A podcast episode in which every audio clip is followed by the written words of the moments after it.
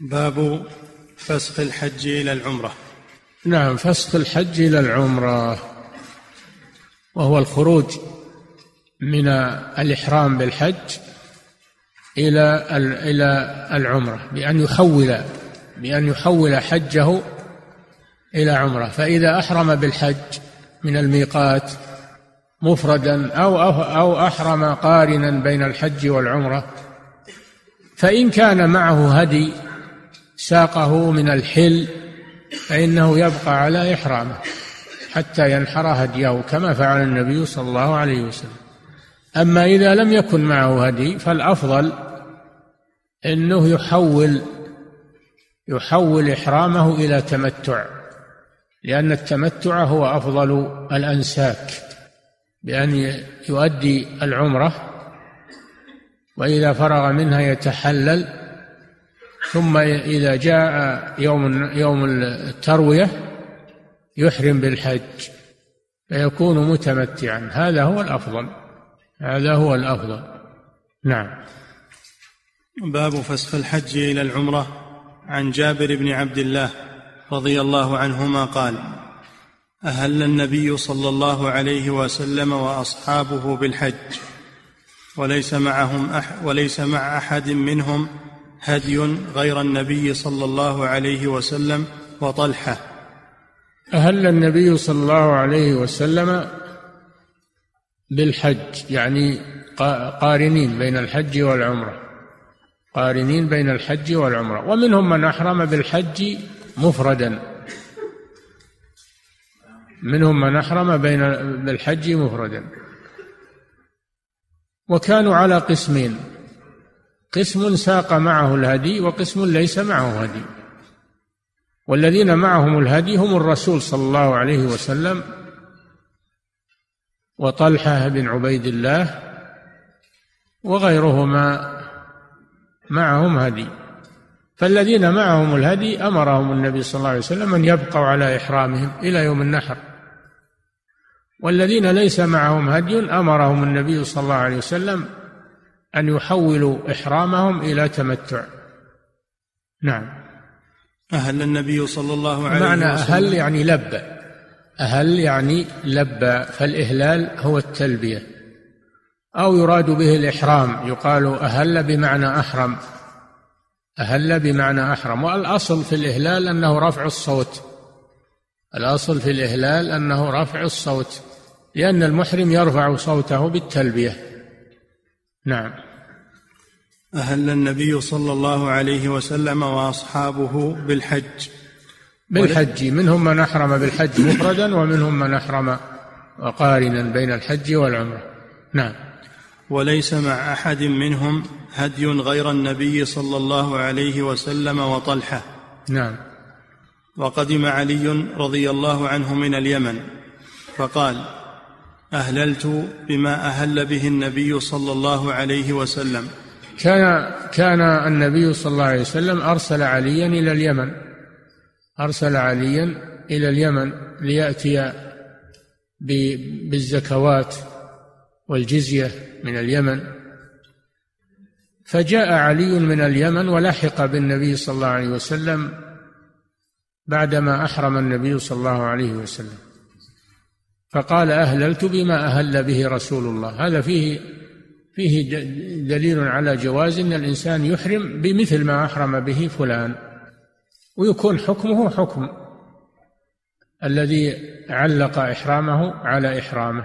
إن كان متمتعا أو قارنا أو مفردا يكون مثله لأن عليا أحرم بمثل ما أحرم به النبي صلى الله عليه وسلم. فيجوز أن تقول أحرمت بما أحرم به فلان. ثم تسأل عن فلان ماذا أحرم به وتمشي مثله. ولو أن الحجاج جاءوا مثلا على الميقات أكثرهم عوام ما يدرون فأحرموا جميعا. فيهم علماء وفيهم طلبة علم والعوام تبع للعلماء لو ما عرفوا وش يحرمون مع الناس وحكمهم حكم الناس. حكمهم حكم الناس. نعم. هذا فيه توسعة. فيه توسعة على المسلمين. لأن ما كل الحجاج يعرفون ولا. لكن تمشي معهم وتحرم وتعمل مثل ما يعملون ويكون حجك صحيح. نعم. فقال أهللت بما أهل به النبي صلى الله عليه وسلم. فأمر النبي صلى الله عليه وسلم أصحابه أن يجعلوها عمرة. لما قدموا إلى مكة وطافوا وسعوا أمرهم النبي صلى الله عليه وسلم الذين ليس معهم هدي أمرهم أن يحلقوا رؤوسهم وأن يكملوا عمرتهم. وكان هذا شيء لم يعتادوه لم يعتادوا فسخ الحج إلى العمرة. هذا أمرهم به النبي صلى الله عليه وسلم. فحصل عندهم إشكال هل هل المراد أنهم يتحللون التحلل الكامل؟ أو التحلل الأول التحلل الكامل الذي فيه وطئ النساء أو التحلل الأول الذي ليس فيه وطئ النساء. فقال النبي صلى الله عليه وسلم الحل كله الحل كله. نعم. فأمر النبي صلى الله عليه وسلم أصحابه أن يجعلوها عمرة فيطوفوا ثم يقصروا ويحلوا. نعم. إلا من كان معه الهدي. إلا من كان ساق الهدي من الحل فإنه يبقى على إحرامه. ومنهم النبي صلى الله عليه وسلم. نعم. فقالوا ننطلق إلى منى وذكر أحدنا يقطر. استغربوا يعني استغربوا لما أمرهم النبي صلى الله عليه وسلم بالتحلل. ما هي من عادتهم؟ إنهم يتحللون من الحج ويحولونه إلى عمرة. ليس هذا من هذا الشيء لم يألفوه. ولذلك قالوا حتى أن نطأ النساء بعد العمرة فالنبي صلى الله عليه وسلم أبا أجاز لهم هذا. قال الحل كله يذهب أحدنا إلى منى وذكره يقطر يعني كناية عن مواطأة النساء بعد العمرة استغراب منهم. نعم. فبلغ ذلك النبي صلى الله عليه وسلم. بلغ النبي صلى الله عليه وسلم ما حصل لهم من من التردد والاستغراب فأراد أن يزيل فأراد صلى الله عليه وسلم أن يزيل هذا الاستغراب وهذا التردد. نعم. فبلغ ذلك النبي صلى الله عليه وسلم فقال لو استقبلت من أمري ما استدبرت ما أهديت. ولولا أن معي الهدي لاحللت نعم. أراد صلى الله عليه وسلم أن يطيب خواطرهم وأن ما أمرهم به هو الأفضل وهو وهو التمتع وأنه أفضل من القران وأفضل من الإفراد. وتمنى صلى الله عليه وسلم أن أنه لم يسق الهدي حتى حتى يتمتع بالعمرة إلى الحج. تمنى ذلك ولكن منعه سوق الهدي. عملا بقوله تعالى ولا تحلقوا رؤوسكم حتى يبلغ الهدي محله. فالرسول صلى الله عليه وسلم طمأنهم في ما حصل لهم وهم يرون الرسول لم يتحلل. يرون الرسول لم يتحلل وهم يتحللون. أشكل ذلك عليهم. فبين لهم صلى الله عليه وسلم أنه لم يبقى على إحرامه من أجل أن القران أفضل أو أو الإفراد أفضل لم يبقى على ذلك من أجل أنه أفضل. لكن بقي من أجل سوق الهدي وإلا فالتمتع أفضل. أفضل من القران وسوق الهدي. وفيه جواز قول لو في تمني الخير. وأما النهي عن قول لو فهو في التسخط للقضاء والقدر. يعني أمور الدنيا ما تقول لو أني فعلت كان كذا وكذا. أما أمور الدين يجوز أنك تقول ليتي فعلت كذا لو إني فعلت كذا من باب التأسف على فوات الخير والأفضل ففيه جواز لو إذا كان في تمني الخير. وعدم جوازها إذا كان من أجل تمني الدنيا.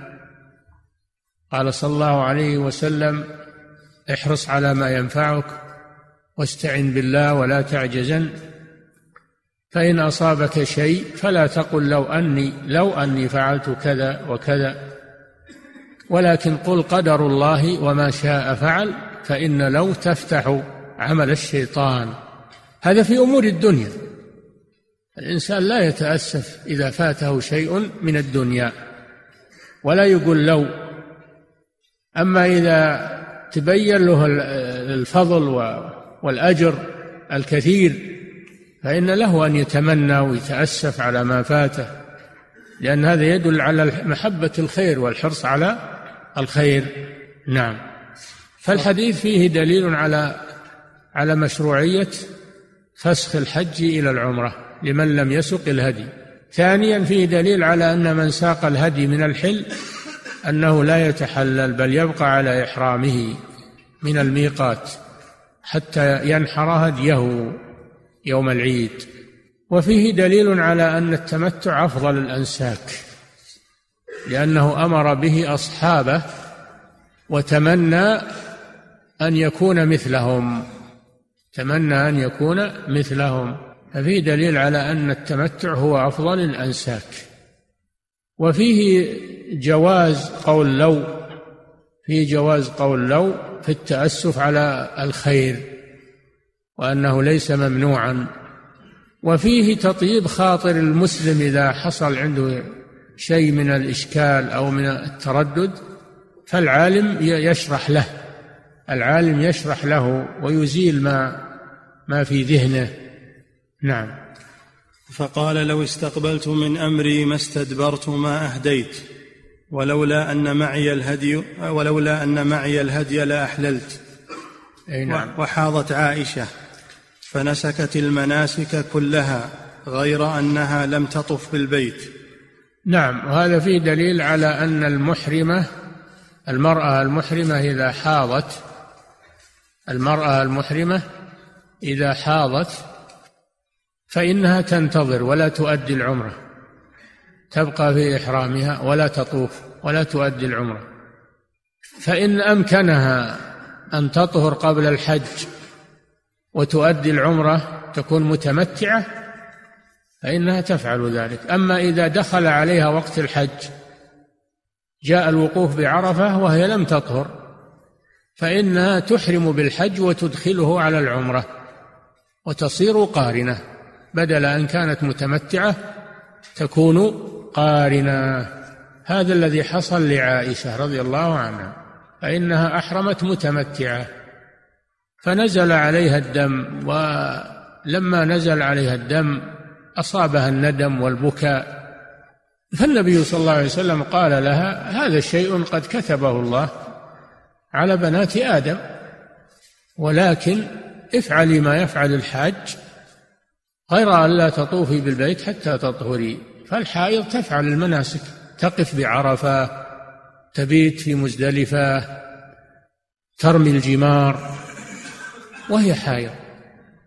أما الطواف فإنها تؤخره إلى أن تطهر.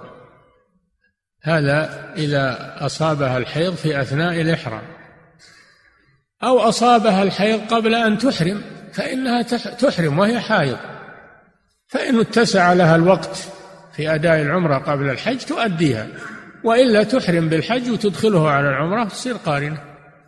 لأن بعض الناس إذا حاضت معهم النساء ما يخلونهن يحرمن. هذا من الجهل. تحرم وهي حائض. الإحرام لا يشترط له الطهارة. تحرم وهي حائض. لأن أسماء بنت عميس رضي الله عنها ولدت في ذي الحليفة. ولدت. ذي الحليفة وأصابها النفاس. فأمرها النبي صلى الله عليه وسلم أن تستثر بثوب وأن تحرم. فالحيض والنفاس لا يمنعان الإحرام بل تحرم وهي حائض وهي نفساء. أو أحرمت وهي طاهر ثم حاضت تستمر على إحرامها. لأن بعض الناس إذا من حاضت يحللها من إحرامها ويمشي يقول خلاص ما لس عمره ولا لس شيء ويحللها من إحرامها ويروح بها البلد. هذا من الجهل. هذا من الجهل. ومن أحرم وجب عليه المضي ووجب عليه الإكمال وأتم الحج والعمرة لله. لا يجوز أنك ترفض الإحرام. بل تستمر فيه إلا في حالة الإحصار. في حالة الإحصار يفدي ويتحلل لأنه ما يتمكن أن يصل إلى البيت. صده عدو أو حبسه حابس لم يصل يتحلل يفدي ويتحلل. يتم الحج والعمرة لله فإن أحصرتم ما استيسر من الهدي. وكما فعل النبي صلى الله عليه وسلم يوم الحديبية لما صده المشركون ومنعوه تحلل هو وأصحابه وفدوا في مكانهم. أما إنسان ما حصل له شيء يمنعه من الوصول إلى البيت فإنه يبقى على إحرامه. والمرأة تبقى ولو حاضت ولو ولدت حتى تطهر وتطوف. ومناسك الحج تفعلها ما ما يشترط لها الطهارة الوقوف والمبيت بمنى ورمي الجمار والمبيت بمزدلفة والمبيت بمنى كل هذا تفعله وهي حائض. افعلي ما يفعل الحاج. نعم. وحاضت عائشة رضي الله عنها فنسكت المناسك كلها غير أنها نسكت المناسك كلها يعني فعلت أفعال الحج كلها من الوقوف بعرفة والمبيت بمزدلفة ورمي الجمار والمبيت بمنى كل هذا فعلته وهي حائض. نعم لأنه لا يشترط له الطهارة. نعم. فنسكت المناسك كلها غير أنها لم تطف بالبيت. لأن النبي صلى الله عليه وسلم منعها وقال غير أن لا تطوفي بالبيت حتى تطهري فهذا فيه دليل على أن الطواف تشترط له الطهارة تشترط له الطهارة. وجاء في جاء في في الأثر الصحيح جاء في الموقوف الصحيح على ابن عباس ويروى مرفوعا إلى النبي صلى الله عليه وسلم أنه قال الطواف بالبيت صلاة غير أنكم تتكلمون فيه. فدل على أن الطواف بالبيت يشترط له الطهارة كما تشترط للصلاة. فلا يجوز للإنسان يطوف وهو على غير طهارة. هذا الحديث صريح. غير أن لا تطوفي بالبيت حتى تطهري. فعلق الطواف بالطهارة. دل على أنها شرط لصحة الطواف. نعم. فلما طهرت وطافت بالبيت قالت يا رسول الله ينطلقون بحج وعمرة وأنطلق بحج. فأمر عبد هي كانت متمتعة هي كانت قارنة. لما أصابها الحيض وضايقها الوقت تحولت إلى قارنة ودخلت عمرتها في حجها فهي اعتمرت. اعتمرت لكنها لم تقتنع. تقول لا ما أبي أبي عمرة على حدة ما أبي عمرة تدخل مع الحج. هذا من حرصها على الخير. والرسول صلى الله عليه وسلم حاول أن يقنعها بأن عمرتها التي مع الحج تكفي لكنها لم تقنع من حرصها على الخير. النبي صلى الله عليه وسلم طيب خاطرها وأرسلها إلى التنعيم مع أخيها فأحرمت بعمرة بعد الحج. فهذا فيه دليل على أن القارن والمفرد يجوز لهما أن يعتمرا بعد الحج أن يعتمرا بعد الحج. وفيه دليل على تكرار العمرة لأنها جاءت بعمرة مع حجها وجاءت بعمرة بعد حجها. ففي دليل على جواز تكرار العمرة. وفيه دليل على أن من أراد العمرة وهو في مكة فإنه لا يحرم من مكة وإنما يخرج إلى الحل ويحرم من الحل لأن النبي صلى الله عليه وسلم أرسل عائشة إلى التنعيم لأنه أدنى الحل. وفيه دليل على أن المرأة لا تخرج إلا مع ذي محرم لأن النبي صلى الله عليه وسلم أرسل معها أخاها عبد الرحمن ولو كان السفر قريبا لا بد من المحرم. وذلك في قوله صلى الله عليه وسلم لا يحل لامرأة تؤمن بالله واليوم الآخر أن تسافر إلا ومعها ذو محرم. بينما نرى من يفتي الآن بعدم المحرم ويقول الوقت تغير وتحرم تروح مع الناس ومع جماعة من النساء تروح بطيارة ولعليه يخالف قول الرسول صلى الله عليه وسلم. يقول لا يحل لامرأة وهذا يقول لا يحل. هذا يقول يحل للمرأة. أن تسافر مع الرسول عمم وقال لا يحل لها أن تسافر عموما لا في طائرة ولا في سيارة ولا على راحلة ولا على قدميها ولا في صاروخ. ما يحل لها. الرسول عمم لا يحل لها أن تسافر إلا ومعها ذو محرم. يجينا واحد متنطع متعالم ويقول لا يجوز يخالف الرسول صلى الله عليه وسلم. الرسول أرسل معه المحرم إلى التنعيم أقرب شيء. فكيف تسافر إلى المشرق والمغرب بدون محرم؟ ولا حول ولا قوة إلا بالله. نعم. فلما طهرت وطافت بالبيت قالت يا رسول الله ينطلقون بحج وعمرة وأنطلق بحج فأمر هذا من حرصها على الخير رضي الله عنها وإلا بالحقيقة أنها جاءت بعمرة مع الحج. نعم لأنها قارنة. نعم. فأمر عبد الرحمن ابن أبي بكر أن يخرج معها إلى التنعيم فاعتمرت بعد الحج. فيه دليل على جواز العمرة بعد الحج. فيه دليل على جواز العمرة بعد الحج وعلى تكرار العمرة في وقت متقارب. وفيه دليل على اشتراط المحرمية للمرأة في سفرها ولو كان ولو كان قصيرا. وفيه دليل على أن أن العمرة لا يحرم بها من مكة وإنما يحرم بها من الحل. نعم. أما من أراد الحج وهو في مكة فإنه يحرم من مكة. بقوله صلى الله عليه وسلم حتى أهل مكة من مكة كما سبق لكم. فالحج يحرم به من مكة لأنه سيخرج إلى الحل إلى عرفة ويقف بعرفة. أما العمرة كل أعمالها في الحرم والنسك يجمع فيه بين حل وحرم. فلما كانت مناسك العمرة كلها داخل الحرم أمر النبي صلى الله عليه وسلم بأن يحرم بها من الحل لأجل أن يجمع بين حل وحرام. هذا هو الفرق بين الحج والعمرة. لأن الحج سيخرج إلى الحل أما العمرة كل أعمالها داخل الحرم نعم.